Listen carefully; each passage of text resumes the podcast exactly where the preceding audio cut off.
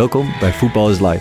Een podcast van teamplayers, geproduceerd door FC Afkikken. Mijn naam is Sim de Jong. Ik ben Diana Kuip. En ik ben Dede Blind.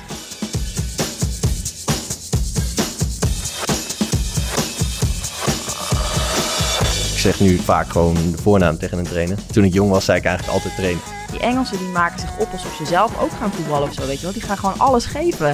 Ik heb ook meegemaakt dat je met oud en nieuw uh, je eentje om 12 uur op je kamer zit, omdat je de volgende dag een wedstrijd hebt.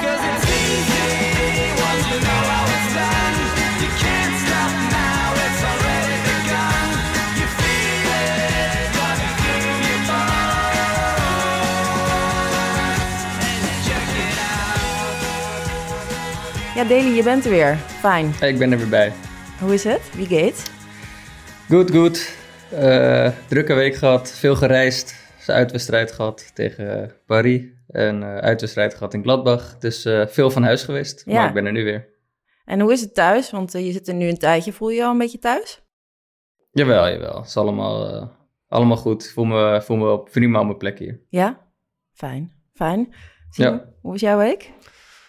Ja, iets minder. Uh, ik was eigenlijk uh, begin van de week uh, werd ik ziek. Dus um, een paar dagen thuis gezeten en mocht niks doen. Dus ja, nu sinds gisteren... Corona. ja, sinds gisteren weer, ja, weer een beetje begonnen en ook niet gespeeld. Dus ja, eigenlijk bezig om, om weer fit te worden na blessure en dan ja, een week ziek. Dus ja, het zit nog, uh, nog niet mee. Nee, dus het zit een soort neerwaartse spiraal zit hier zo naast me. Nee, ja, ik was ook wel een beetje down uh, Ja, nee, maar week, ja, maak er een dus, grapje uh, over, maar dat is natuurlijk niet leuk. Nee, ja, dat, dat, ja ik bedoel, ja, niks aan te doen, maar het was wel, was wel even vervelend. En gelukkig hebben wij wel gewonnen, dus was positief. Ja, ik, maar je zei vorige week al dat je natuurlijk baalde dat je weer last van je liezen had. En ja, ja dus nu doe je nog een stapje terug. Maar heb je nu nog nog steeds last van je lies? Of weet je dat? Nou ja, nee, ik, ja, ik heb eigenlijk niet zo heel veel gedaan. Begin van de week nog even. Maar um, ja, het is nu gewoon uh, opbouwen richting,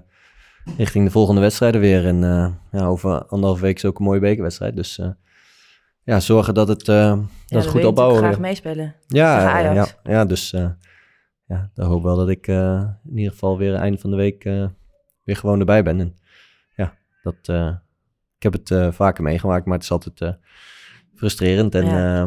maar wat ik zeg, ja, een goede overwinning bij ons hadden we even nodig. Dus dat was, dat was lekker. Ja, goed zo. En jij? Goede week gehad? Um, ook een drukke week gehad. En uh, jeetje, ja, ik weet al niet eens meer wat ik allemaal aan het doen was. Maar ik was me nu aan het voorbereiden tot gisteravond laat, of eigenlijk vannacht, um, met het Jumbo-Visma-docu. Jullie weten, ik volg het wielrennen ook. Uh, mm. Dat is ook deels mijn werk. En uh, Jumbo-Visma is een, is een wielerteam. En die komen met een documentaire uit deze week, uh, waar ik ook in zit. En uh, daar volgt um, een team, eigenlijk het, het team van Jumbo-Visma een heel jaar. En die zit er heel dicht op. En ik vind het altijd heerlijk om te kijken dat je dus... maar je ja, zit in de in de docu ook? Ja, ik zit in de docu dan als een van die talking heads, weet je wel, die een beetje zo uh, af en toe in beeld is en wat zegt over, uh, over de renners. Of maar over... niet dat je altijd erbij bent geweest? Nee, nee, nee. nee, Echt nee. Gewoon, nee, maar dit is wel dan een seizoen, want dit is het seizoen dat Team Jumbo-Visma de, de Tour de France Ja, gaat winnen. ja. Dus natuurlijk een lekker seizoen om te laten zien als je Goed toch een seizoen docu voor een maakt. docu, ja. Ja, um, maar ja, ik zat het dus te kijken en toen dacht ik meteen, oh, dan ga ik morgen aan de jongens vragen. Um, ja, hoe, de, hoe dat voor jullie, of dat een optie zou zijn. Want als je dus, ik weet niet Wat, of jullie de wel camera's zo... op je neus. Ja, want je hebt dus... Zeg- heeft het toch... Uh, Daly heeft het ook een tijd gedaan, dus die, uh, die Ja. docu heb je ook gezien, denk ik. Ja, sowieso met jouw docu, maar dat was dan nog wel wat, wat meer op afspraak, zeg maar. Dus dan weet je dat er iemand langskwam. Maar ook dat zelf- was natuurlijk best wel eh, heftig. Hoe, hoe- ja, hoe was dat voor jou eigenlijk? Jij kon zelf Eh, kiezen. Ja, we hebben wel bepaalde draaidagen gewoon ge- gepland natuurlijk. Het is niet zo dat ze mij eh, een maand lang elke dag gevolgd hebben. Dus het waren wel eh, ja, momenten die je zelf ook kiest samen. Ja, En eh, ja, dan volgen ze je gewoon die dag. Maar het is niet zo inderdaad zoals bij Jumbo-Visma... dat ze continu op je lip zitten een jaar lang. nee. Dus Zou dat wat voor je zijn? Nee, Nee, niet in mijn privé situatie in ieder geval. Nee. Maar wel in een wedstrijdsituatie. Want dat is natuurlijk...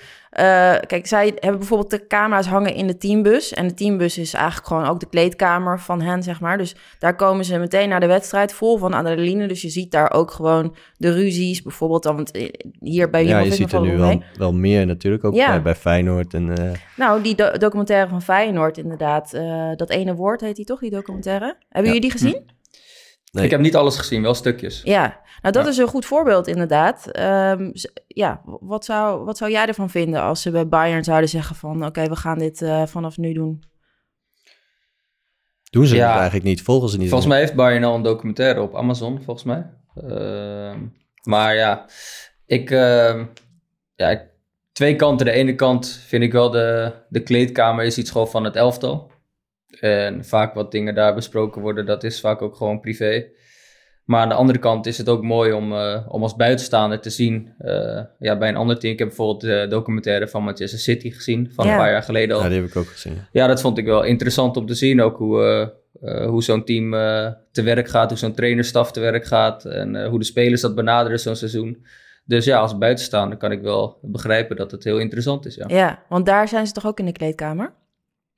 Volgens mij in die ja, zijn ze Ja. eh, echt van heel dichtbij. Ja. Ja, Ja, ik denk Maar ook wel dat het, dat het steeds meer gebeurt en ook wel steeds normaler wordt. En, in nou, er worden gewoon steeds sporten- hogere bedragen voor betaald. Omdat dat natuurlijk de lekkerste beelden zijn. Want uiteindelijk van die documentaire van Feyenoord... is mij vooral bijgebleven die botsing tussen advocaat en Marsman. Hebben jullie die gezien? Ja, ik heb het stukje gezien. Maar het is, op Ja. zich gebeurt er toch ook niet superveel in de kleedkamer waarvan je denkt van nou, dat, dat zou echt niet naar buiten kunnen. Ja, het is, ik, ik vraag me wel af inderdaad of je anders bent als je weet dat die eh, camera's er zijn. Nou, daar had ik het Ik denk dus- het wel. Ja, dat denk ik, dat denk ik ook. Ehm, maar misschien niet als je natuurlijk vol... In, je- ja, ik weet het niet. Als natuurlijk die camera er de hele tijd hangt... en die hangt daar, zeg maar, dat is niet een poppetje of zo... dan vergeet je het misschien wel. Kijk, ik neem me aan dat er ook gewoon afspraken worden gemaakt... van wat er wel naar buiten gaat eh, of ja, niet. in, in Amerika en volgens mij ook in Australië hadden wij ook wel eh, volgens mij gedeeltes kleedkamer of eh, camera's in de kleedkamers hangen. Ehm, waarbij ook eh, bepaalde dingen een soort van previews werden gegeven. Ja. Dus ja. maar dat is dan vanuit de club, dus die kunnen dat zelf natuurlijk een beetje bewaken. Ja, vanuit de competitie ook wel.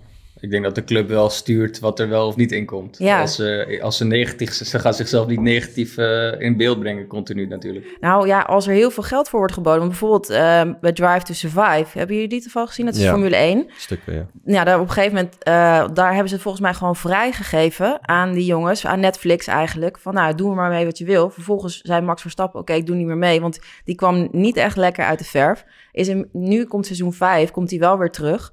Maar ja, dat is natuurlijk helemaal, ja, wat spreek je af inderdaad. Maar ja, als, Maar het is wel mooie content. Ook als sporters vind je het wel mooi om die andere sporten en ook gewoon ja, Manchester City, Manchester City docu. Ja, ik, ik vind dat wel mooi om te zien. Nou ja, het is heel waardevol. Ook omdat je dus. eh, ik denk dat er wel een, een voordeel is voor jullie. Omdat mensen dan ook jullie meer als mens leren kennen, zeg maar. Dat ja, maar dat vind ik vooral van de, de, de andere docu's van bijvoorbeeld Daily of ook eh Parels van Amsterdam was van eh, met Ryan eh, Graafberg. En eh, wie zaten er nog meer? in Timber volgens mij. ja, Eh Rens. Rens. Ja, dan krijg je ook wel nog meer een soort beeld bij, bij spelers. En het wordt ja, menselijker of zo. Ja. Het wordt, ja, ik vind het wel mooi om, eh, om dat soort dingen te zien. En het is ook wel mooi voor jezelf. Ik bedoel, ik zou Ja, ook wel willen dat ook- ik die content nog had. zetten hem zelf in scène, die, of niet in scène, maar je spreekt af de draaidagen. Dus je bereidt je wel erop voor, je weet dat je gevolgd wordt. Eh, dat seizoen met City bijvoorbeeld was een fantastisch seizoen voor hun. Ze, ze wonnen alles.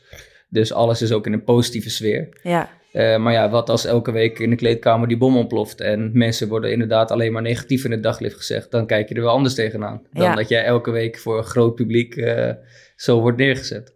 Nee, is dat zo. is zeker waar. Je hebt eh, in het wielrennen de Movistar documentaire en daar gaat dus de hele tijd alles mis. Dat is een Spaans team. Echt, Die is al uit. Ja, die, die zo, seizoen drie komt. En het is elke keer, je zit er te kijken en je denkt elke keer... nee, het coaching gaat helemaal mis, dingen gaan stuk... en ze krijgen ruzie en zo. Maar daar is het gewoon zo dat ze zoveel geld krijgen. Dat team krijgt zoveel geld dat ze gewoon heel veel stappen kunnen maken... nieuwe renners kunnen kopen. Tenminste, ik denk dat dat vooral... want ik snap voor de rest niet waarom ze dit in godsnaam zouden doen. Ja, nou ja, het is, het is ook wel mooi om te zien hoe dingen niet goed gaan in sport. Dat is wel waar. Daar Dus heb je helemaal gelijk Ik in. vind dat eh, ja, niet per se dat het alleen maar goed moet gaan. Ik vind het ook wel bijzonder om te zien hoe, hoe dingen die niet goed, goed gaan, hoe dat wordt aangepakt. En Ja, Ehm, de sport, eh, uiteindelijk is best wel veel openbaar. Je resultaten zijn openbaar. Dus of, ja, mensen zien toch wel dat het slecht gaat. ja. Dus de verhalen daarachter zijn ja, best indrukwekkend ook, denk ik. Ja, Eh, en dat je de waarheid kan laten zien. Want bijvoorbeeld eh Roglic, dat is dan dus een renner van Jumbo-Visma... die kreeg vorige zomer heel veel kritiek... omdat ze zeiden dat hij was afgestapt... omdat hij geen kans meer maakte om te winnen. Nu bleek dat hij dus zijn rug had gebroken... en zie je dus al zijn hele lichaam vol met schaafplekken zitten... en hoe hard hij zeg maar nog... ja, het maakt het dus vooral mensen. Nee, zeker. Het maakt je gewoon echt, eh, of het maakt het ook echt hoe het is. Ja. Alleen, eh, ja, het kan wel vaak confronterend zijn voor degene om wie het gaat. Wat vond je eigenlijk van je eigen docu? Eh, ik vond het heel spannend. Omdat je ook niet weet hoe inderdaad mensen jou zien daarna. Of eh, wat ze van je vinden. Wat ik zeg, daar word je uiteindelijk achteraf mee geconfronteerd. Maar het is ook wat Siem zegt, is ook mooi voor, je, voor jezelf om uiteindelijk zoiets te hebben. ook voor later. En ja, ik vond het uiteindelijk een mooie, mooie documentaire geworden. Ja? Wat vond je het meest confronterend? Ehm, ja, toch wel om eh, bepaalde dingen terug te zien waar je eh, eigenlijk tijdens de docu- documentaire dat we het maakten. ehm, toen stond je pas stil bij sommige verhalen en ging je er pas dieper op in. Terwijl je gedurende je carrière gaat het gewoon in één stuk door. En op bepaalde momenten stond je er veel, veel meer bij stil en Hoor je dan ook Eh, ja. verhalen van werd mensen je om je heen? emotioneler. Ja, hoor je dan ook verhalen van mensen om je heen... ehm, die je ja, misschien niet eens altijd echt zo hebt, zelf hebt, hebt gehoord of ervaren? Ik bedoel, heb je ook alle stukken van je vader bijvoorbeeld, eh, als hij dat inspreekt, ben je daarbij? Of zie je dan ook soms stu- stukken, stukken daarna pas terug en denk je van...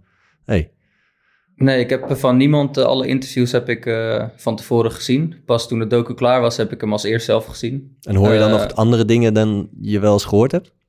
Ehm, ja, best wel. Ook wel, ja, gewoon dingen van, van, van, van mijn vrouw zelf. Ja, die zeggen ook wel eens tegen, maar ja, dat gaat zo snel. En dan zegt ze op dat moment ja ook soms hoeveel impact het op haar heeft. En daar sta je dan soms veel minder bij stil. Omdat je eigenlijk op dat moment zoveel met jezelf bezig bent, met je eigen revalidatie.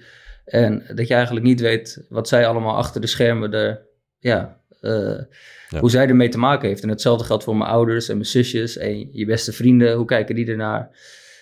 Dus het heeft, eh, je ziet het gewoon van verschillende hoeken, zeg maar. Ja. En dat, eh, dat had wel eh, meer impact, zeg maar. Ja, ik herinner me nu, nu we het er ineens over hebben, uit jouw docu, dat ook van jouw vrouw vond ik eigenlijk het meest heftig. Dat ze op een gegeven moment zei van ja, ik wil gewoon hem de hele tijd zien. eh, Zeg maar. Dus ik wil niet eh, zijn wedstrijd niet zien omdat ik hem in de gaten wil houden. Eh, dat, ja, dat, Ja, bijvoorbeeld. ja, dat vond ik Ja. echt heftig om te horen. Nadat jouw hart eh, Ja. stil stond. Ja. Oh ja, en dat heb ik trouwens ook nog nooit gehad. Ik stond dus ook te kijken van de grootte van het kastje Daily. Het is Ja. een soort walkie-talkie die je hier zo hebt. Ja, Serieus? dat zie je daar ook pas voor het eerst. Ja. Jezus, man. Ja, maar dat weten ook heel veel mensen eh, niet natuurlijk. Nee. Eh, dus het is best wel, eh, ja, het is best wel een, wat is het? Zo, eh, ja. Zoiets.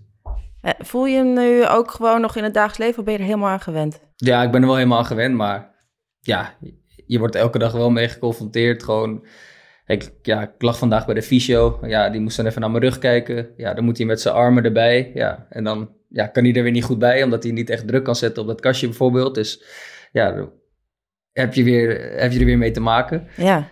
En ja, zoals ik er nu op let, dan voel ik het even en zo. Maar, nou, of als ik op mijn zij wil slapen, dan lig Ja, ik erop. inderdaad. Ik had echt geen idee Ja, dat het zo'n jetser was, joh. Ja. Maar oké, dus, eh, Ja, dus- In, de docu, in de docu. De docu, ja, die vanaf donderdag eh, kan je die zien op, eh, op Prime. Is ik heb hier geen is aandelen in reclame, trouwens, of maar... Is ook reclame Nee. gelijk? Nee, Sluikreclame. echt Ja, Nee. sluikreclame alweer. Nee.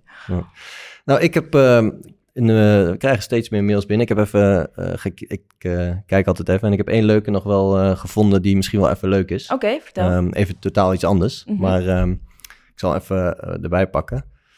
Ehm, hij is van eh, JP. En de, de vraag is aan, eh, aan ons, aan mij en Daily vooral. Ehm, stel je had nu nog bij Ajax gespeeld, dan was nu uh, Heitinga je trainer geweest. Ehm, ja, ik heb er nog mee gespeeld. Hij vraagt van het leeftijdsverschil is niet zo groot.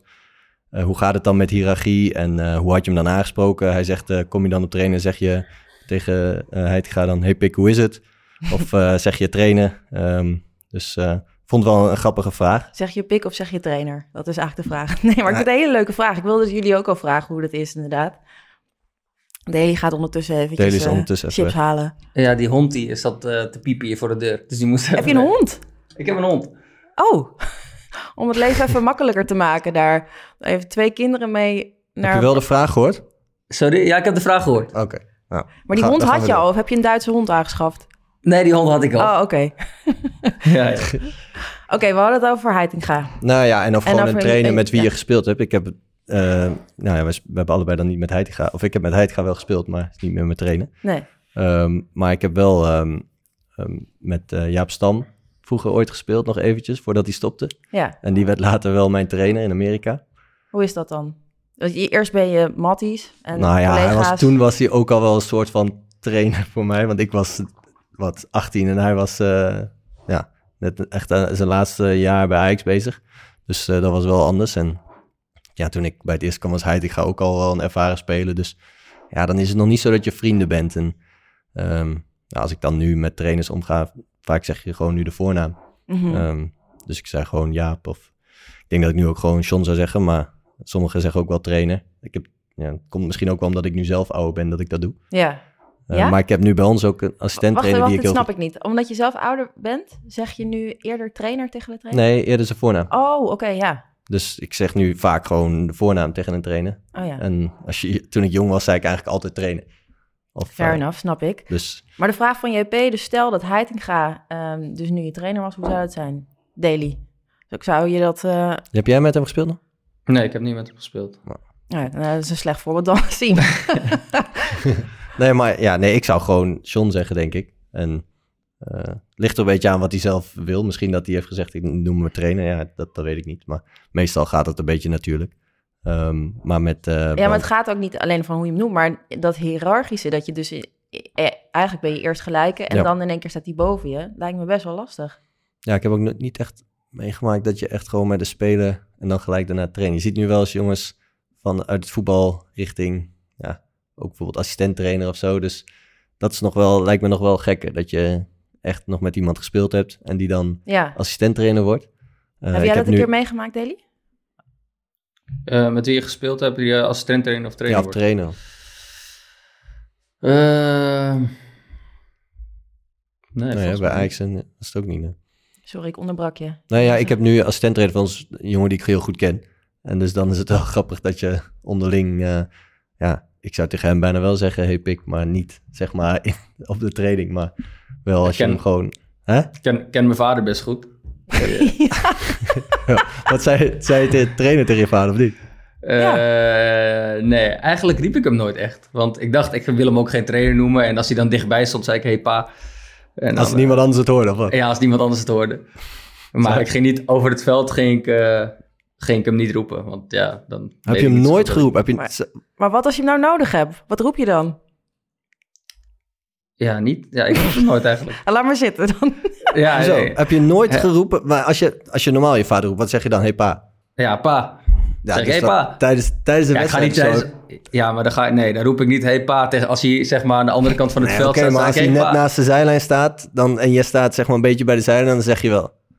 Nee, maar dan, hebben, bij, we, dan bij, hebben we soms... Die oogcontact hebben we genoeg. En dan weet hij dat ik wat wil vragen. Bij, oh ja, bij, dan... dan ja, je hebt best wel beelden dat jij met je vader staat te praten of zo tijdens de wedstrijd. Ja. En dan voor de tijd... Of als je, als je iets tegen hem moet zeggen, dan, dan roep je gewoon nog hey pa, denk ik.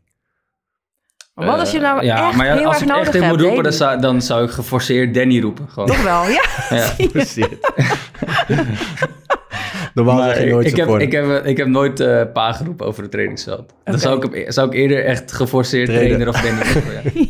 Ja, dat is nog een beter voorbeeld dit. Ja. Oké, Ja. is het, denk je dat het een goed antwoord is? Ik denk dat het goed, goed antwoord Ik is, het ja. ook. Nee, ik denk dat je... Ja, het, het respect is er altijd wel richting, eh, richting een speler die uiteindelijk trainer wordt. Maar ja, het is wel eens soms... eh, Weird. Nou ja, nou ja, ja. ja. We, hebben het, we hadden het we, we hebben op de club wel eens over gehad over spelen trainen.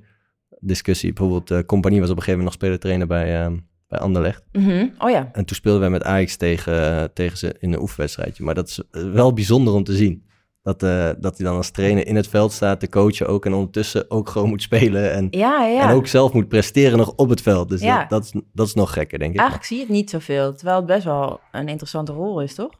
Nou ja, Zou dat voor jou zijn? ik zou wel speler trainer willen zijn. Ja? Nee, ik niet hoor. Ja, ik, niet? de- ik denk dus niet dat de, de, ik denk niet dat die rol echt kan, zeg maar. Want ging dat niet goed bij Compagnie toen? Eh, ik heb het niet zo gevolgd, maar in die wedstrijd bijvoorbeeld, ja, scoorden wij een goal en moet, ja, dan moet hij, hij staat dan gewoon als verdediger daar. Ja, En eh, ja, dan ja, wordt hij wel, hij is de trainer en je wordt aangekeken op, op een tegengoal. En ondertussen leg je, moet je uitleggen aan het team. Het is, ja, het is een hele rare situatie, toch? ja. Dus, Deden zou niks voor jou zijn? Nee, dat zou niks voor mij zijn. Waarom niet? Ja, ik, ik, het lijkt me lastig als je bijvoorbeeld eh, aan de zijlijn staat en je zegt... eh, je bent niet tevreden over een speler en je zegt, nou, ik gooi mezelf erin. je gaat het even voordoen. Ja, dat lijkt, het zal Oh, vast nee. niet gebeurd zijn, maar Nee, nee, het lijkt mij, het. eh, het lijkt, het lijkt mij twee, twee vakken apart. Ja, die hiërarchische situatie is soms wel, eh, wel gek. Ja. Ja, oké. Nou, leuke vraag, eh, JP. Ja, leuke vraag. eh, blijf ze insturen. Hey, weet je waar ik het ook met jullie over wil Nou, hebben? moet ik de mail nog noemen of niet? Wat? Hoef, moet ik de mail nog Oh ja, noemen? tuurlijk. Ja, tuurlijk. Podcast.voetbalislive.nl ja, voordat het Kunnen we door. Ja, nee, want ik wilde het graag met jullie hebben over eh, wat jullie gemeen hebben, namelijk jullie ervaring in de Premier League. Want in welk jaar speelde jij in Engeland? Poeh, dat was 2014 ging ik naar Engeland, volgens mij. Ja, naar Nee, Newcastle. 13 toch? Tot? Nee, ja, wat was het? Nee, 14. 2014 Na- ging ik. ja, ik toch ook. Of jij ook? Oh, jij Aan zelf het begin van de voorbereiding jij ging ging ik en jij ging het einde van de voorbereiding. Ja. Dus eh, ja, toen ging ik naar Newcastle en eh, Tot? tot eh, ja, uiteindelijk drie jaar later ging ik weer naar, eh, terug naar Ajax en één jaar verhuurd aan PSV. Oh ja. Dus ehm, En hoe lang heb jij in Engeland gezeten uiteindelijk, Daily? Vier jaar. Vier jaar, ja. Wel de mooiste competitie. Ehm, ja, ik denk het wel. Als je kijkt gewoon qua eh topploegen, hoeveel concurrentie eh, er is bovenin. Ja, het is, eh, de atmosfeer is gewoon fantastisch. Dus ik denk wel dat het de absolute top is. Ja. Is dat dan ook zo dat als je dan droomt van het buitenland... Ja, jij vertelde vorige keer, Daily, dat je eigenlijk helemaal niet zo droomde van het buitenland. Maar Oh, uiteindelijk Ja. ging je wel naar Manchester. Dat is op zich natuurlijk wel eentje die eh, op je verlanglijst hoog zou staan, denk ik. Maar denk je dat het voor veel voetballers een soort van... ehm, ja, to wishlist is Nou, om denk- ooit een keer in Engeland te Ik ben het wel met Daily eens. Ja, Premier League is wel echt bijzonder qua ja, eh, spelers, qua atmosfeer. Ehm, ja, allermeeste geld gaat erin om. Dus uiteindelijk worden de beste spelers eh, daar naartoe gehaald om, om tegen elkaar te spelen. En dat, ja, dat vind ik wel bijzonder. En het gaat nu wel, het wordt, drijft wel een beetje door qua geld Ja, wat er wordt, eh, en, en ja, wat er wordt gedaan om eh, nog meer te kunnen uitgeven. Dus dat is wel ja, de andere kant. maar als we het dan hebben over Engels voetbal... ehm, want jullie zeiden van ja, dat is dan eigenlijk als, voor als spel vinden jullie dat ook het mooist. Is het nou echt zo anders, zeg maar, dat als je daar speelt, dat je denkt, oh, weet je wel... Dat Het is echt- spel is misschien niet het mooist, maar het is wel... Is het Nee, harder? ik denk dat Engels echt eh, kick en rush en zo, dat, eh, ja, dat wordt ook veel minder in Engeland. Er worden dus veel meer coaches ook van, eh, van andere landen eh, naar Engeland gehaald. Mhm. Eh, dus er komt veel ander voetbal ook in, de- in de competitie. Als je nu eh, met Klopp, Guardiola, Ten Hag, Ja. Eh, Arteta bij Arsenal, eh, Conte bij, eh, bij Tottenham. zijn allemaal eh, trainers met een andere visie dan eh, kick en rush, denk ik. Ja, ik vind Dus wel ik dat denk dat de competitie is daarin wel veranderd dan tien jaar geleden, denk ik. Of, of, of verder terug. Mhm. En is het spel harder? Harder dan... Nou, ik denk minder hard door, door VAR en dat soort dingen. Ik denk dat... Nou, ik denk dat de scheidsrechters wel wat meer toelaat. Ja, Dat je bedoelt op die ik ook, manier, ja. ja. Het is wel harder dan in, in andere landen of harder dan ten opzichte van vroeger? Eh, harder dan andere landen? Ja, nee, Ja, dat denk ik wel. Ja? Hoe kan dat nou eigenlijk? Ja, fysieke. Het, er wordt ook wel best wel gewoon geselecteerd op, op atleten. Het zijn, als je nu kijkt ook, het zijn steeds meer atletisch, sterk, snel. eh, ja, Ja, maar er wordt gewoon ook Denk- meer geaccepteerd qua duels of tackles. Of...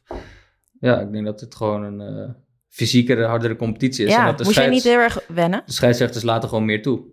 Ja. Moest je niet heel erg wennen, Daily, toen je dan, als je dan ja, bij Manchester komt en je, en, en je merkt dat alles harder is? Hoe, eh, hoe ben je eraan?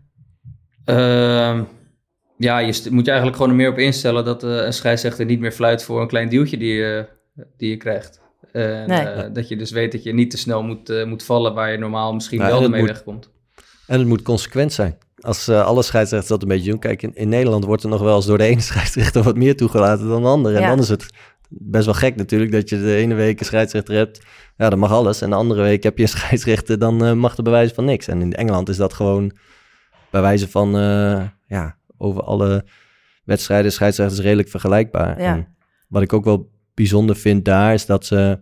Heb jij dat wel eens gehad? Dat ze in het begin van het seizoen komen ze langs uit, eigenlijk vanuit de Premier League. En echt eh, een beetje, bij ons deden ze een presentatie over de competitie, over eh, hoeveel fans er overal kijken, over het belang van interviews, het belang van eh, nou, ook wel gewoon goed spel, fair, maar, maar wel inderdaad ehm, ja, hoe het is geworden uiteindelijk de competitie. Maar ook wel dat ze daarin ehm, ja, eigenlijk ons vertellen van eh, het belang van ons goed neerzetten richting de waarde van de, van de competitie. Mhm. En dat vond ik wel ook wel eh, eh, bijzonder om te zien dat, dat ze ook echt bezig zijn om gewoon de competitie helemaal als merk goed neer te zetten. En, ehm, en de spelers daar ook echt in betrekken en in meenemen.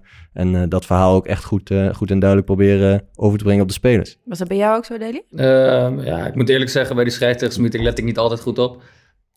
Ja, let bij geen enkele, bij geen enkele. We hebben het al vaker over meetings gehad en, en Eh, presentaties. Maar nee, dit is, het is eigenlijk elk jaar komt ook in Nederland de scheidsrechters altijd een verhaal vertellen. En, Ja, maar dit is wel anders. Hè? De competitie, zeg maar echt mensen vanuit de, de, de league komen dan ook nou, echt nee, die heb vertellen ik even gemist, denk ik.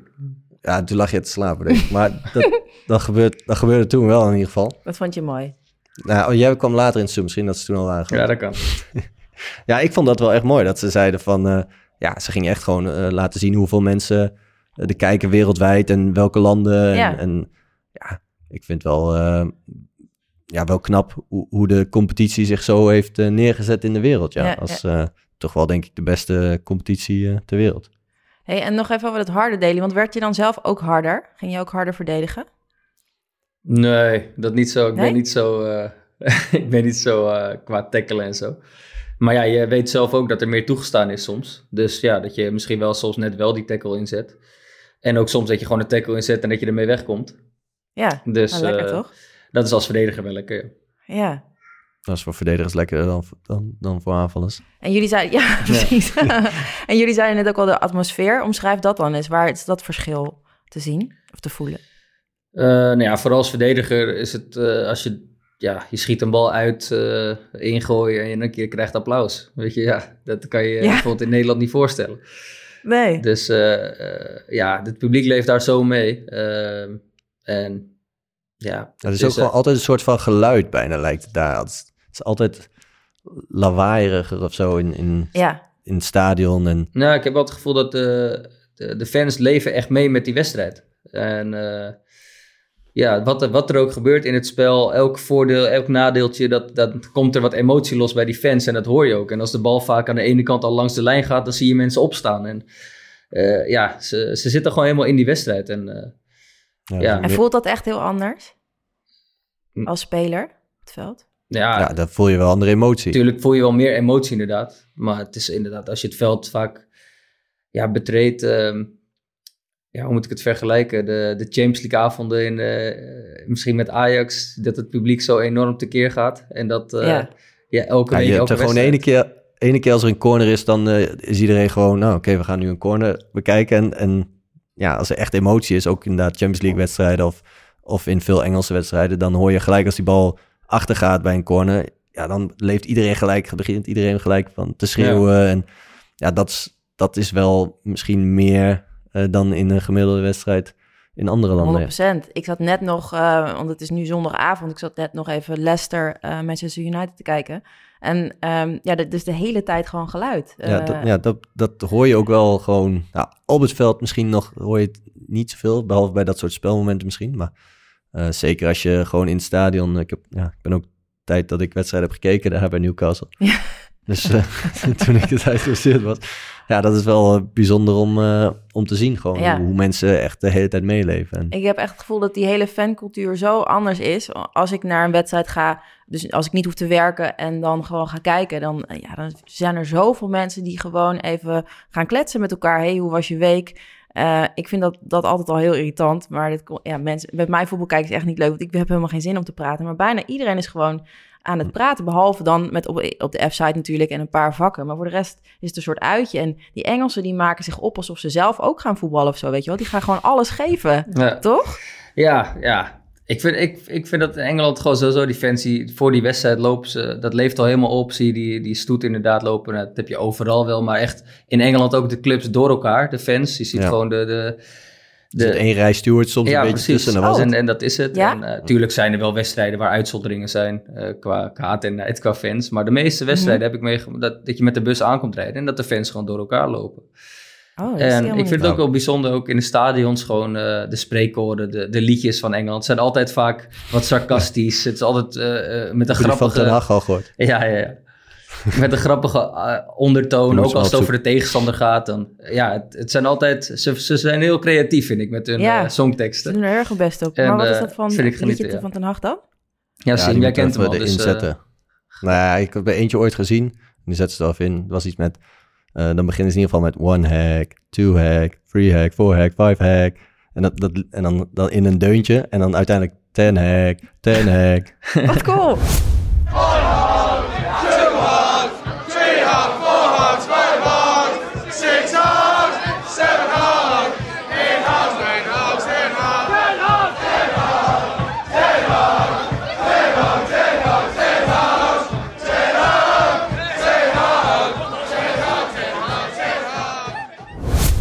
Teksten inderdaad zijn gewoon altijd wel, eh, wel sterk. En we hadden ook bij ons inderdaad, de aanvoerder bij ons, toen in die tijd, uh, Colacini had ook echt zo- zo'n mooi nummer die ook dan in het stadion eh, de fans hoort zingen. En ik weet niet precies meer hoe die ging, maar het zijn wel gewoon, eh, ja. Ja, het is ook gewoon een sport daarom dat, eh, om goede, goede teksten te maar het bedenken. lijkt me wel heftig als je hem tegen je hebt. Want ik, ik moest daar laten denken toen, ehm, toen PSV leek toen even Janu zei ehm, te kopen.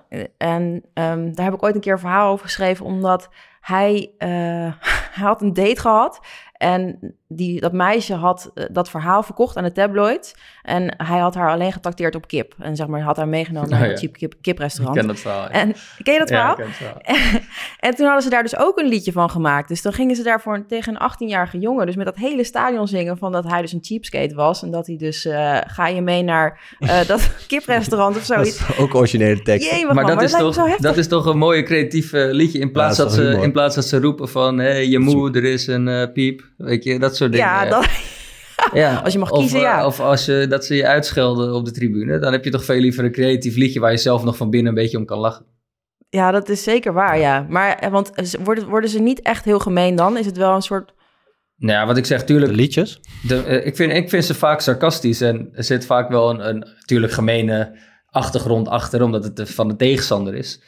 Maar je zal in Engeland, eh, heb ik nauwelijks meegemaakt, dat ze echt een, eh, een speler of, of eh, scheids uitschelden. eh of met hebben een best wel veel respect. maken. Ja, ze hebben veel respect. Oké. ja. Ja, Ook als je gewoon mensen tegenkomt en zo. Ja, is toch altijd wel eh, ja, veel respect voor, voor voetbal. En ze vinden het ook gewoon allemaal echt mooi. ja. Nog even over die tabloids trouwens, want daar vroeg ik me ook wel af. Omdat het natuurlijk aan mijn kant is, zeg maar, de, dat persgedeelte. Maar die zijn dus veel ruiger dan, dan hier bijvoorbeeld. En eigenlijk dan volgens mij in alle landen. De- want die willen dus heel graag gewoon, maakt niet uit wat, over die spelers schrijven. En vaak ook over die Ja, vrouwen. of het Koningshuis. Hè? Ja, maar dus nee, maar het is daar gewoon, die cultuur is, er- is er meer... ja, maar veel meer ook over die voetballers. Zoals dus die, die date met het, eh, weet je wat, natuurlijk totaal niet boeit. Daar hadden ze helemaal zo'n pagina van gemaakt. En Daily over jou ook nog wel eens, eh, weet ik dat ik je van de week ge- ge- Ja. jullie gestuurd. Met Ehm, de fiets. ja, jij had je fiets meegenomen naar Manchester. En eh, toen- daar had je een foto van gepost op Instagram. Gewoon een Opel fiets. En daar hadden ze dus ook een hele grote pagina van gemaakt. Hoe gevaarlijk het wel niet was dat jij die fiets had meegenomen. En dat eh, Van Gaal je waarschijnlijk wel straftraining zou geven. Het is wel lastig durfde. fietsen hoor, aan de kant van de weg. Ja, best wel rekening mee Dat is best lastig. Ja, maar ze aan de hadden ook kant van de allemaal, weg dat klopte fietsen. ook helemaal niet. Hè? Ze zeiden van, ja, je mag helemaal niet hier fietsen zon, met een Ja, fiets de fiets zonder remmen. Terwijl je, je had fiets gewoon weinig Zonder mensen. Ja. Ja, ja, ja, je kan een fiets ik met bedoel- een rem, maar alleen zo'n achteruittrap. Achteruit- tuurlijk. Ja, maar het is om aan te geven dat het helemaal nergens op slaat. Maar hoe... Het is eh, niet echt ingericht op fietsen. Nee, ja, Nee, maar hoe heb je, hoe, want dat lijkt me best wel heftig om daaraan te wennen, die tabloids die gewoon in de struiken liggen te wachten tot je maar ook maar iets Nou ja, verkeerd doet. soms ga je boodschappen doen of de hond uitlaten en dan doken ze uit de bosjes. Ja, dat, dat Ja. gebeurt wel Heb eens. je dat nou? bij ons niet zo. Bij Ja, dat heb Newcastle wel eens was niet zo... eh, Ja, maar hoe, hoe Of dan liep je, gewoon, eh, dan? liep je gewoon in de stad met je vrienden of eh, gewoon overdag. En, of met je, met je hond. En dan zag je een paar dagen later een foto dat je daar liep. Dus ja, dat dat gebeurt. En ja, Ja, maar dit is toch niet, niet heel relaxed, of wel? Of, of- nee, maar ja. dat is de grootste club ter wereld. Nou, ik denk de dat grootste clubs. overal in Engeland wel gebeurt. Maar ja, ik had, ja, natuurlijk, het is niet, eh, het is niet altijd even leuk. Maar ja, het was nou eenmaal zo. Ja, maar bij jou niet. Ja. Ja, Nee, ja, ze nu, ik was ook niet altijd... Ik was eerste jaar geblesseerd, dus eh, Dat is niet zo ik boeiend. leefde redelijk onder de radar Ja. in, eh, in Newcastle qua, qua bekendheid. eh, helaas. Mhm. Ik had eh, liever iets bekender zijn eh, door, eh, door meer op het veld Ah. te hebben gestaan. Maar Zullen we anders hier een keer in je struiken gaan liggen en foto's maken als je naar buiten komt? nee, ja, dus nee, ik heb daar niet zoveel ehm, mee te maken gehad. Maar Nee. ik vond eh, fietsen wel wennen. Wat zeg je? Nou, in Engeland het fietsen vond, was wel wennen, ja. Aan de verkeerde kant van de weg. Ja, had je Ja, je fiets dat mee? was wel. Nou ja, we hadden wel fietsen, maar eh, gebruik, gebruik je daar niet echt vaak in. Nee. Ook het rijden eerst aan de andere kant van de weg. Ik heb ook wel jongens meegemaakt in het begin die gewoon spiegels eraf reden. Ja, omdat ze niet gewend waren de positie op de weg. En dan gewoon ja, te dicht langs de rand en eh, met de spiegel even een geparkeerde auto raken. Dat was ook ja wel ik even zou het niet wennen. eens durven. Nee, dat was wel echt wennen in het begin. Ja. Wat wel eh, mooi was in Engeland was die kerstperiode, die wedstrijden. Oh ja, Ik bedoel, het zijn wel heel veel wedstrijden, maar ja, dan... met het mooie, Boxing Day ja, het mooie was wel dat je familie en vrienden vaak vrij waren in, eh, in Nederland of in... ja, wij moesten dan allemaal eh, voetballen, maar die konden wel allemaal dan richting Engeland, toe- Engeland komen. En dan had je wel eh, ja, een leuke kerst, maar vooral voor de, voor de rest. En Ja, die rest had een leuke kerk. ja, het eerste jaar was ik nog geblesseerd, dus toen had ik ook redelijk, eh, toen moest ik alleen trainen. Ehm, toen had ik dus redelijk ja, veel vrienden en familie over de vloer en kerstdiner en gingen we naar de wedstrijd. Ehm, dus ja, het was wel een bijzondere ervaring om sowieso een keer mee te maken, ook op die manier. En Ja. het jaar daarna maakte ik het mee als speler. Dus eh, dat was ook bijzonder, maar toen kwamen er ook weer veel mensen kijken. En ik weet niet hoe het bij jou was, maar het was wel echt een, een leuke periode om... eh, Ja, ik heb, Ja, het, niet zo, ik heb het niet zo ervaren. Nee, nou, dat dan? kwam misschien door het eerste jaar dat ik inderdaad het nou ja, heb ervaren is het, als- maar leg ze uit. tussen de dagen door is het leuk dat je familie eh, komt natuurlijk. Maar je speelt zoveel wedstrijden op elkaar. En ja, je bent alleen maar aan het reizen van hotel naar hotel. En eigenlijk eh, de momenten dat je thuis met je familie bent, ben je misschien één dagje even tussendoor of Ja. een middag. En dan moet je alweer door. Dus het is leuker voor de familie en de vrienden die overkomen Nee, eens. dan, eh, dan voor de spelers zelf vaak, denk ik. Maar Ja. als voetballer is het ook een prachtige periode, dus eh, daar zeker zijn wel- niks over te klagen. Het zijn ook mooie Dus het wedstrijden. zijn mooie wedstrijden en het is ook Ja. mooi dat het zo snel achter elkaar doorgaat. Maar ja, ik heb ook meegemaakt dat je met oud en nieuw in je eentje om 12 uur op je kamer zit, omdat je de volgende dag een wedstrijd hebt. dus eh, ja. ja. dat is niet eh, altijd leuk. Nee. Nee, maar ik, ja, ik vond het wel heel leuk dat er heel veel mensen in die periode ook gewoon langskwamen. Ehm en ook, eh, ja, dan ben je zelf niet altijd daar, maar je familie eh, is... eh, Je familie, familie wel, heeft het leuk, dat is goed. Ja, die heeft dat het vond leuk. je lekker gevoel, dat Nou ja, en, en wat ik zeg, het eerste jaar heb ik het dus wel kunnen ervaren. Ja. Doordat ik niet... eh, nou, ik hoefde dan niet naar uitwedstrijden als ik geblesseerd ben. Dus dan, ja, dat die eh, heb ik één jaar eh, ja, best wel kunnen beleven. Maar Ja. wel... een- daily is over het algemeen dan waarschijnlijk gewoon wat minder nobel. Jij vindt er gewoon niks aan als de rest het leuk heeft. Nee, ja, ik vind het hartstikke Ja, leuk dat hun het leuk hebben. Als je, als je het niet, eh, zeg maar, ja, als je gewoon altijd, ja, wel vaak over gehad. En als je gewoon aan het spelen bent en je voetbalt, dan zit je echt in een soort eh, hyperfocus. Mm. Maar als je dan, ja, zo'n zo'n lange tijd geblesseerd bent en ik merk ook wel meer richting het einde van mijn carrière, ja, dan die hyperfocus van wedstrijd, wedstrijd, wedstrijd is dan, ja, bij mij helaas toch iets minder geworden. Ja, ik snap wat je bedoelt. Als je voetbal, als je speelt, is het gewoon die focus heb je elke Ja, wedstrijd. als je, gaat van als je wedstrijd in die wedstrijd. flow zit, dan is het heel anders. Ja, dan leef je van wedstrijd naar wedstrijd.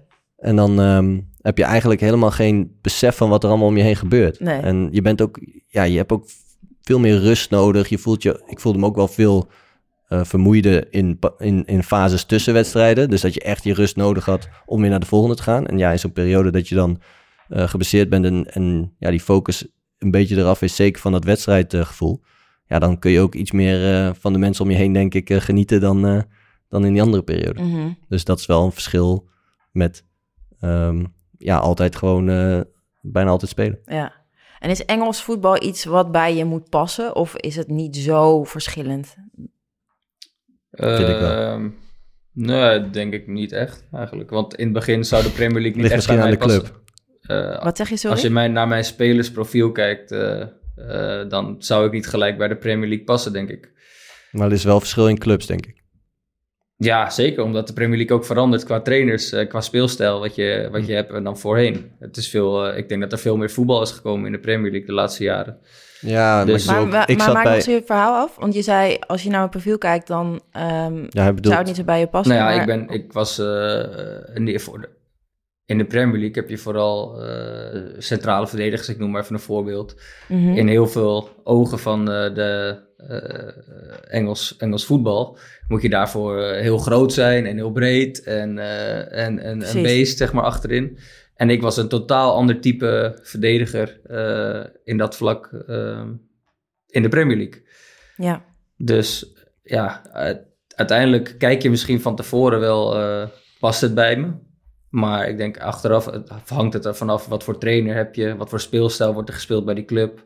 En dat maakt uiteindelijk de, dat bepaalt Ja, of je denk- een speler bent voor dat team en voor in de Premier League. Ik denk wel dat het een heel groot deel uitmaakt welke trainer, ehm, welke club, eh, speelstijl. Want jij had, in jouw tijd was Van Gaal trainer. Dus dat is natuurlijk wel iets meer een, een speelstijl waar je al aan gewend was. Eh, hij speelde misschien niet helemaal hetzelfde, maar hij ziet wel jouw kwaliteiten op een andere manier dan misschien een Engels trainer.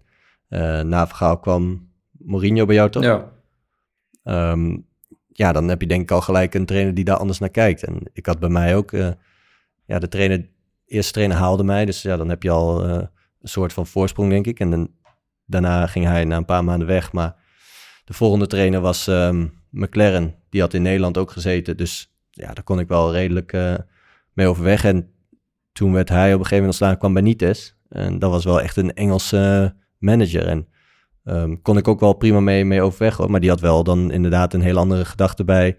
eh, bijvoorbeeld opbouwen. Ja, als je centrale verdedigers had op dat moment die eh, wel wilden opbouwen, dan, dan was dat heel anders geweest ehm, onder hem dan onder de trainers Ja. daarvoor. Dus ik denk wel dat dat heel erg van belang is welke eh, club, maar zeker ook welke trainer. snap ik. ja dus niet Hey, zozeer en- de Premier League, maar meer de trainer is belangrijker denk ik. Ja. Ja. Denk Ja. ik ook wel. Ja. Zeker als je Maar dat kijkt is naar de overal natuurlijk. Nee, zeker. Dat is ook overal. Dus dat klopt ook wel. En ik denk wel dat ik me daar nou, een klein beetje wel in vergiste. Ja? Leg eens uit. als in ja, te weinig misschien gekeken naar eh, wat gaat dat betekenen voor mijn spel. En eh, ik zat ook wel in een fase, wat ik al toen in andere aflevering ook al zei, dat ik eh, wat blessures had gehad en dat ik op zoek, of tenminste dat dat nieuwe avontuur zich aanbood en dat ik wel die kans wilde grijpen. Ehm, dus ik had ook niet superveel andere opties om echt over na te denken. Alleen, ehm, ja, ik denk wel dat het voor mij een heel stuk moeilijker spel was als nummer 10 tussen linies in die periode daarvoor bij Ajax ten opzichte van, eh, van Newcastle. Ja. En, ja, dat was wel ehm ja, heel ander type spel. En ja, dat, dat weet je ook wel en daar, daar ga je ook wel eh, eh, wat op aanpassen. Maar dat was wel ehm, ja, best wel lastig. Dus achteraf zou je willen dat je dat beter had overwogen? Mm, misschien meer, eh, ja, wat ik zeg, ik had niet heel veel Andere keuzes. Eh, misschien in wat, eh, ja, misschien jaren daarvoor had ik dan andere keuzes, maar ja, dat is terugkijken, dus dat is niet per se op die manier. Maar ik vind, ehm, ja, je moet wel goed kijken. Het is wel echt een hele andere competitie. Maar we hebben het wel eens vaak gehad over jongens van Ajax naar, naar het buitenland gaan. Ja, Mhm. het is wel een heel ander type spel. En dan is het, denk ik wel, zoals Daly zegt, een trainer wel belangrijk om naar te kijken. En ja, dan is een, eh een verhaal, denk ik wel een, een mooie stap om, eh, ja, die hij dan heeft gezet. Ja. Wat is jullie mooiste wedstrijd die jullie in Engeland hebben gevoetbald, Daily? Eh, de wedstrijden tegen Liverpool. Ja? ja. Leg eens uit. Ja, dat is daar de, de derby, zeg maar. Mm. Dus eh, ja, dat leeft het meest bij de fans, eh, bij de spelers, eh, bij de mensen die bij de club werken al, al jaren. Dat, dan voel je dat als zo'n wedstrijd eraan De week komt. van tevoren al. Precies. En ja dat, dat, dat leefde in alles. En in één wedstrijd scoorde ik. Dus eh, ja, dat was, eh, was fantastisch. Ja? Welke wedstrijd was dat? Ja, was Liverpool. We speelden thuis tegen Liverpool. En eh, ja, toen scoorde ik de, de 1-0 volgens mij. Dus eh, dat was mooi. Vrije trap uit de vrije trap. Ja. Ja. Ja, bij, on- Dus was, bij ons was dat het was ook de mooiste. Ook die derbies zijn sowieso wel... Bij ons was het dan tegen Sunderland, die nu niet meer in zitten. Maar eh, dat is wel jammer eigenlijk, want ja, het is wel haat en nijd. En eh, ze hopen elke keer van elkaar dat, dat het andere team eruit gaat. Maar Mhm. het is wel mooi als, ze, als die wedstrijd er wel is. In, in die tijd speelden we een paar keer minder resultaten eigenlijk. Eh, thuis gelijk, volgens mij twee keer, of één keer gelijk en één keer verloren en uit ook verloren. Maar ehm, ja, het was wel eh, bijzonder om mee te maken. Dan heb je inderdaad dat er wel iets meer beveiliging is dan, dan bij andere wedstrijden. En dat het ja, allemaal nog meer leeft eh, gedurende de week bij iedereen. En dat het wel En echt... dan eh, ook bij jezelf. Is het dan ook echt zo dat als het Ja, om dat je voel heen je zo- wel. Dat voel je echt fysiek? Ehm, nee, ja, vooral je hoofd natuurlijk. Je, voel, je hoort op de dag, eh, een week van tevoren al beginnen de clubmensen echt op de club al op je in te praten. Zeker als je ne- net nieuw bent bijvoorbeeld. Dan laat ze je wel vermerken van, hé, hey, dit is de wedstrijd waar het om gaat. Oh ja, no pressure verder. dus eh, ja, regel het dan even. eh, we hadden bijvoorbeeld een, een chef. En dat was echt, eh, ja, hij was echt, echt oud. En ja, die begon al eh, een week van tevoren. Nee, come on, hè? come on, lad. This is the game. This is the game for you. Kon je ze allemaal goed verstaan En, eh, eh, met accent? Eh, ja, dit was wel lastig. Maar de meeste versta je, versta je wel. We hadden ook een met een Jordi accent. Maar soms als ze echt, onderling spraken, dan was, ging het soms wel snel. Ja. Ja, je denkt dat je heel goed Engels hebt gehad op school. Dat je dan goed Engels kan spreken en zo. Maar als je eenmaal tussen die Engelsen staat, dan is het accent wel even, even ja, anders. ja. Ja, Maar dan blijven ze dus wel, eh, ja, bij ons blijven ze dan ook, vooral die mensen ook, blijven dan op je inpraten. Ja, ja, precies. Maar je pakt het wel snel op de taal ook. Maar die mensen inderdaad, die praten op je in. En dan, dan merk je hoe het, hoe het leeft, zeg maar. Dus, eh, ja. ja. Maar dat accent trouwens, we Cool. hadden... Ja, We hadden, ja, we hadden een... eh, op een gegeven moment moesten we naar de bus voor bij een wedstrijd. En dan zegt die eh teammanager... Ik zeg tegen... What time you have to go? Hij zegt... eh yeah, you have to go uh, to, a, to half two at the, and in the coach. Dus ik dacht, in de coach? Ik dacht, moet ik naar de coach om half twee of half drie? Of wat, wat bedoelt hij nou? maar coach, het betekent bus daar, in hun accent of zo. dus ik dacht, hè, wat moet ik nou doen? Dus ik naar die spelers terug van, oké, ja, hij zegt, ik moet naar de coach. Ja, en dan allemaal lachen. en de coach is gewoon, ja, je moet om eh, half drie in de, in, de, in de bus zitten.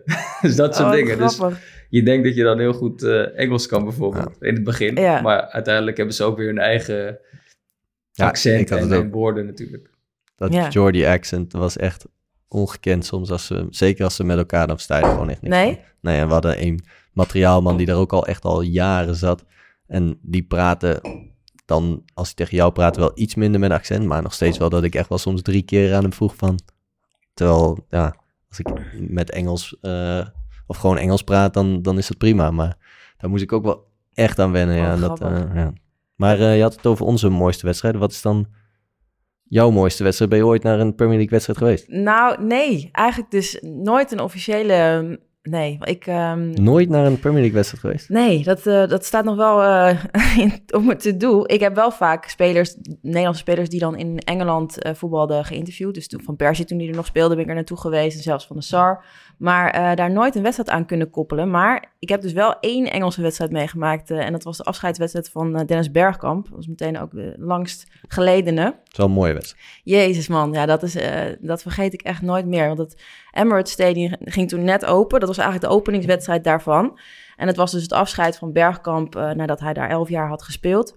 En het was zo emotioneel. Dus dat hele stadion zat dus vol met E- Engelsen. En ehm, ja, het begon eigenlijk al vanaf de eerste minuten kwam hij met zijn vader het veld oplopen. En zijn vader had longkanker en het was al de vraag of hij er nog kon zijn. Nou, toen sneuvelde ik al meteen. Maar dus om mij heen, dus ook al die mannen moesten dus ook een soort van huilen. En die probeerden daar dus met die liedjes een soort van tegenin te zingen of zo, weet je wel. Dus die zijn dan heel emotioneel, omdat het ze natuurlijk, ze zijn echt dol op Dennis Bergkamp. Ze hebben het ook heel veel voor hen betekend dan. Maar dan proberen ze dat overheen te brullen of zo. En dat geluid, ja, ik ging daar, ik, ik vond het zo, ik had de hele tijd kippenvel gewoon. Ik zal het nooit meer vergeten. En dat is denk ik ook die, die Engelse beleving. Plus dan met zo'n afscheidswedstrijd. Want ik heb altijd het gevoel, weet je, je neemt natuurlijk afscheid van een speler, maar je neemt dan eigenlijk afscheid ook van een stukje van een periode van jezelf. Ik weet niet of je dat als speler kunt herkennen, maar als kijker of als liefhebber heb je natuurlijk vaak dat je opgroeit dan soort van met spelers, weet je wel. Dus als die dan afscheid nemen, dan heb je daar heel veel herinneringen bij, dat je daar met je vader naar hebt gekeken of zo. Ja, ik groeide ook wel echt op met, met Dennis Bergkamp als een van mijn Ja. eh, idolen. Dus Nou, dat is dan, als je dat dan zeg maar dus in zo'n stadion zet met allemaal mannen die dus die, dat soort herinneringen hebben en Diana die er dus helemaal niet tegen kan. Dus ik zat echt alleen maar te janken daar. Maar het was zo misschien heb je dat ook wel bij een gewone Premier League wedstrijd. Misschien Ja, dus niet misschien meer wel, na ja. Het is gewoon het zo emotie. Kan alleen maar, kan Ja, maar weet je. Ja, nou weet je wat ook? Want het, de eerste helft was dus eh Ajax tegen Arsenal, zeg maar, de gewone. Ja. En daarna kwamen nog de, de legends. En als verrassing, want de Kruif en Van Basten die zaten in het dugout als een soort trainer. Maar in de zeventigste minuut, toen trokken ze dus in één keer hun trui of een jas uit. En dan kwamen ze dus met hun shirt, kwam er dus het Ajax-shirt onder vandaan. Dus die gingen ook het veld op. Nou ja, dat was natuurlijk helemaal niet meer te hard. Dat je dan ook nog eens een keer Kruif en Van Basten ziet spelen, die ik überhaupt nog nooit had zien spelen. Dus dat was echt... eh, nou goed, dat was wel een- Bijzondere Engelse ja, ik heb wedstrijd. er dan eentje, eentje soort nep Engelse wedstrijd, maar het was dan wel een topper, eh, al zeg ik het zelf. Nou, moet je het nog, toch nog een keer... eh, ja, ja nou ja, ik hoor graag eh, jullie tips. Nou ja, ik, ik moet eerlijk zeggen, ik ben ook niet meer echt terug geweest eh, naar Newcastle nadat ik daar dan eh, als speler weg ben gegaan. Dus, ehm, en ik zie nog wel nu natuurlijk hoe het daar gaat. En af en toe zie ik nog mensen daarheen gaan die ik ken en zo'n wedstrijd bezoeken. En dan sturen ze nog wel eens een fotootje of zo. Ja, Dus ehm, ja, ik moet eigenlijk heb ik het nooit ja, de reis zo gemaakt naar een Premier League wedstrijd als, als veel mensen hebben gedaan. Dus ik zou dat nog wel een keertje willen doen, ja. ja. Maar wat bedoel je dan met de reis maken? Nou, gewoon zo'n zo'n weekend echt naar zo'n Engelse Oh ja. wedstrijd. eh, ja, dat, Alles erop en eraan. ja, alles op en eraan. En naar Newcastle. Ja, ik heb bedoel, veel vrienden en familieleden hebben het toen in die tijd heel vaak gedaan. En dus ehm, ja, ik weet bijvoorbeeld dat ze eh, op, op vrijdag dan, als wij zaterdag speelden, gingen ze op vrijdag met de boot eh, naar, naar Newcastle. Oh, ja. En dat was dan al nacht. Dan had je al een soort feestnacht voor die Oh, wedstrijd. En dan kwamen ze daar aan. En dan ehm, eh, kwamen ze dan bij mij thuis. Maar je hebt daar ook bij de rivieren. Het is echt wel een leuke stad. En het stadion ligt echt midden in, eh, in de stad eigenlijk. Dus je loopt zo eh, vanuit de stad richting het stadion. En je ziet ehm, het allemaal liggen daar aan de, aan de rivier. En ehm, ja, het is gewoon echt ook een, een leuk... Ik heb wel helaas redelijk veel wedstrijden gezien in het stadion. Meer dan ik had willen zien. Ehm, maar eh, ja, die, eh, die ervaring om echt zo- zo'n zo'n reis te maken met, met vrienden en familie... Ja, dat lijkt me nog wel, eh, nog wel een keer leuk, ja. Oké. Dus eh, Nou ja, als Ja. je gestopt bent, dan heb je daar eh, straks alle ja, tijd als, voor. ik, als ik straks eindelijk gestopt ben met mijn carrière, Ja, dan... Maar nu nog niet. Nu nog niet, nee. Nog, nog even niet. Dus Nee. dan, dan ga ik zeker denk ik wel zo'n ja, zo'n voetbalreis zeker naar Newcastle wel een keertje. Ja. Dus Plus ze doen het nu ook wel best wel goed. Dus ja, nieuwe eigenaar, nieuwe trainer. Ik vind het ook wel ja, goede trainer. Dus eh, ze hebben, ja, ze staan volgens mij eh, derde, vierde op dit moment. eh. dus ja, wie weet. Ja, Champions League. oké, oké. Oké mannen, is het al tijd voor onze jong en blind rubriek? Ja, ik, ehm, ik heb ehm, eh, Maas weer gevraagd om, eh, om een vraag te bedenken. Want eh, we hebben hem dan één keer, eh, heeft hij hem ingestuurd. Eén keer is hij hier geweest. En eh, nu hebben we bedacht, eh, laten we op nog weer een andere manier doen. Hebben we een, een voice memo van hem. Ja, eh, met Want vraag. even voor de mensen die de vorige aflevering niet hebben geluisterd, dat is onze rubriek waarin een jeugdspeler eh, eigenlijk advies vraagt aan eh, jullie oudgedienden. Ja, je hebt en- die bij mij bij de Graaf speelt en die wil doorbreken. En we hebben bedacht dat hij in ieder geval voor de time being de vraag eh, aan ons kan stellen over, ja, over wat wij in onze carrière misschien anders hadden gedaan. eh, Voor de time being, totdat er iemand anders langskomt die een betere vraag stelt, mag Maas Nou, er, er mogen ook andere vragen inges- ingestuurd worden. En misschien, eh, ja, Maas was dus eh, afgelopen week ook hier. En Ja. Misschien kunnen we dus wel af en toe eh, wel weer hier, eh, hier langs laten komen. Kan die ook zelf een beetje vertellen hoe, of de tips een beetje helpen. Ja, goed plan. Oké, maar Maas heeft dus ja, een ik zal hem even afspelen. voice memo. Eh, ja. Hierbij de vraag voor de rubriek. Eh, jullie hebben natuurlijk allebei in het buitenland gespeeld. Maar wat zouden jullie terugkijken op jullie carrière op het gebied van transfers en anders hebben gedaan? Zouden jullie eerder of eens later zijn weggegaan bij Ajax? Wat voor trekpunt wilde hij graag weten? ja, of eh, hij vraagt eigenlijk eh, welke leeftijd wij weg zijn gegaan. En of we dat eh, anders hadden gedaan. Ja, Nou, denk wel wil jij kort beginnen? een beetje over gehad. Maar Ehm, ik was 24 en ik denk dat ik de perfecte leeftijd had om, eh, om weg te gaan. Ik had eh, vier volle seizoenen bij Ajax gespeeld. Dus veel ervaring opgedaan. Ehm ik had uiteindelijk eh, een aantal interlands kunnen spelen. En ja, eh, en wat ik laatst zei, ik had eh, mijn focus gewoon op Ajax. Maar als er een kans zou komen, dan eh, ja, had ik wel het gevoel dat ik daar klaar voor was. Mhm. En, eh, En er kwam ook wel een prima en er kwam natuurlijk een club die ik eigenlijk die ik niet kon weigeren. En ja, dus ik denk ook dat ik eh, een mooie leeftijd had om, eh, om de Eredivisie eh, te verlaten, zeg maar. Ja. Ja, nou ja, ik was één jaar ouder, 25. Dus ik had, wat is bijna zeven jaar eh, in het eerste wel eh, gespeeld bij Ajax. Dus voor mij qua leeftijd ja, was het eigenlijk ook wel prima. En ehm, nou, we hebben wel vaak over gehad, wetend wat je nu weet. Eh, ja, had ik het misschien... Ja, ik kreeg een klaplong in, in het laatste jaar bij Ajax. Dus dan hadden, zou ik zeggen, als je dan een kans eerder krijgt... Ik heb het wel eens ook over gehad thuis. En in die jaren daarvoor wel eens eh, ooit met, ehm, gesproken met Dortmund. En voordat ze nog zo groot waren als dat ze toen zijn geworden in die fase op een gegeven moment. En ehm, ook wel gesprek gehad met eh, andere club in Engeland eerder al.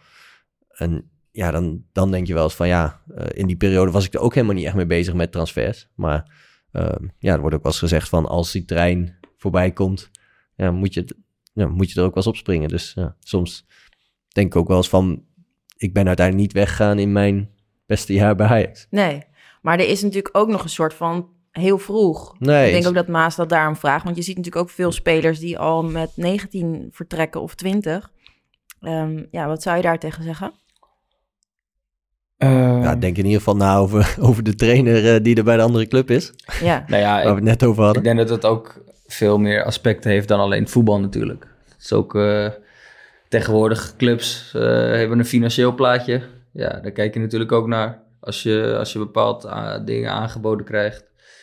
Ehm, maar ja, Ja, als je nu 8,5 jaar kan tekenen bij Chelsea, dan, ja, dan eh, Bijvoorbeeld dat of- natuurlijk ja, wat ze nu doen. Of je kan, eh, je kan het jongens ook niet kwalijk nemen die op hun zestiende uh, weggaan naar een grote club. eh, en die krijgen daar en, en gaan naar een grote club. En ze verdienen eh, veel geld. En vaak krijgt misschien een ouder nog een job of een baan. Eh, ja, ik vind dat je, daar moet je ook eh, hun kant van het verhaal in, eh, in begrijpen. En het is altijd te makkelijk gezegd om te zeggen, ja, bij Ajax heb je, eh, of in Nederland heb je meer kans. Misschien wel, maar ja, er zijn ook veel voorbeelden dat het wel eh, eh, goed uitpakt. Kijk bijvoorbeeld naar, eh, ik noem maar Nathan Nee, Ake ook- bijvoorbeeld. Fantastische carrière, hoe die, eh, hoe die, eh, Het is ook- hoe die dat gedaan ja. heeft. Mhm. Ik denk ook niet zozeer dat het heel erg... ehm, de leeftijd is, dit soort dingen spelen zeker een rol. eh, ja, wat je perspectief dan is, welke club, eh, welke trainer. Maar het enige wat ik dan wel bij mezelf een beetje had, is dat ik eh, die tijd opgroeide bij Ajax en dat ik toen heel erg veel ehm, voor mij geregeld werd. En dat eigenlijk ja, nooit, nooit buiten de club heel veel dingen zelf heb opgezocht. En op het moment dat je dan naar Engeland gaat, eh, ik had toen best wel een ja, Engelse manager en er werd best wel veel vanuit jezelf gevraagd, als in ehm, ja, krachttraining, al dat soort zaken. Dus best wel veel eigen initiatief. En ik raakte dan ook nog vrij snel geblesseerd. En dan ja, heb ik toch wel eens het gevoel gehad van, misschien had ik zelf wel ehm, ook wat meer mensen om me heen moeten hebben eh, in die periode daarvoor al. Eh, meer een eigen team om me heen heb ik van mensen die me begeleiden. Ook als het dan tegen zit als je naar het buitenland gaat. Want anders dan ja, kun je best wel alleen ervoor staan soms. Ja, Nou, ik, oké. ik zou vooral adviseren om, om eh, echt te proberen voor jezelf toch een bepaalde, bepaald pad uit te stippelen qua ontwikkeling. Eh, en natuurlijk eh, de bijzaken eh, die erbij komt. Kijken of je daar inderdaad, wat Siem zegt, de, de juiste mensen voor je omheen kan verzamelen.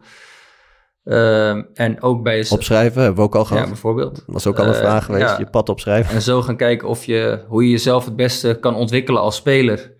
Waar je eventueel de meeste kansen hebt. Ehm, ja, wat brengt het voor je familie eventueel? Ik denk dat je alles voor jezelf op een rijtje moet zetten. En, eh, en daarin uiteindelijk je keuze op moet, bas- te- op, op moet baseren. Maar ik denk dat het heel Ja. moeilijk is om te zeggen van... Je, dit is te vroeg of dit is te oud. Ik denk dat het echt een persoonlijke kwestie is. Nee, zeker. Ja, Ik denk dat je de inderdaad... pros en cons. Ja, nee, zeker. Maar ik denk dat je dus in ieder geval moet zorgen dat je inderdaad niet ehm, alleen echt ervoor komt te staan als je in het buitenland bent. En ook wat Siem zegt, soms komt die trein misschien maar één keer voorbij. Ja, Nee, eens. ja. Als je het allemaal in de glazen bol zou kunnen Nee, zien. dus we hebben nu vaak over... We praten hier ook bewust over... Nee, maar dat, is ook, ja, maar dat is ook een goed antwoord op de Ja. vraag. Er is niet een eenduidig antwoord, toch? Nee. Je moet Nee, het goed zeker. naast elkaar neerleggen. Maar ik denk dus wel, ja, belangrijk is dat je ja, realiseert eh, dat het eh, veel op jezelf aankomt, eh, ook weer in het buitenland. Ja. Oké, nou, goede vraag, eh, Maas. Ja. Dankjewel, Maas. Eh, kan, ik kan nu niet meer... eh, we kunnen niet meer vragen of het nu goed was, maar ik vraag dat nog wel even deze week of hij tevreden is met het antwoord. Ja, en you better be. Ja. Ik ben benieuwd. Hey, en tot slot, eh, voor ik afsluit, wil ik nog even weten... wat vonden jullie de mooiste Engelse voetbaltraditie... die we hier ook zouden moeten hebben? Zou je dan dat kerst toch zeggen? Zeggen, zien Boxing Day of niet? Ja, dat vraag ik me dus af. Ja, ik, ik vind het wel moeilijk of ik zou zeggen dat we het hier ook moeten doen. Het is daar echt traditie, maar ja, ik vraag me af of dat dan hier ook zo, In Nederland is iedereen op wintersport, toch? of het hier zo gaat leven. Maar ja, het is wel een, eh, ja, het is wel een mooie traditie in Engeland. Ik vind het leuk dat ik hier in Nederland op Boxing Day... lekker Engels voetbal kan kijken. Ik hoef helemaal niet mijn eigen Boxing Day. Ja. Nee, ja, je, ja, je kijkt liever Engels voetbal dan Nederlands voetbal. soms. Ja, en ik vind het ook wel mooi in Engeland dat die eh voor de FA Cup vanaf de halve finale, dat je dan eh, naar een Wembley gaat, zeg maar. Beide kanten, Oh, helft, ja. helft. Het stadion eh, op neut- Ja. neutraal, op neutraal terrein. En dat heb je niet Ja, echt in Nederland. Olympisch Stadion of zo. Ja, misschien dat even verbouwen. maar ja, dat lijkt me ook, is, vind ik ook wel mooi. eh, dat je daar echt, eh, vond ik wel een mooie ervaring ook. Ja, snap ik. Oké, dat vind ik een mooie afsluiter, mannen. Dan zou ik zeggen, ehm, sluiten we hem bij deze af. En ehm, dan eh, tot volgende week. En aan de luisteraars, bedankt voor het Ja. luisteren. En wil je nou meer van ons weten, volg ons dan op ons Instagram-account. En op je favoriete podcastkanaal. Ja, En stuur je mails in naar podcast.voetbalislife.nl als je nog een eh, vraag of tip hebt die we even moeten bespreken. precies. We krijgen er nu wel zoveel binnen dat het moeilijk is om ze allemaal te bespreken, maar het is wel leuk om te lezen ook. Sowieso, blijf sturen. Tot volgende week. Yes. 都一样。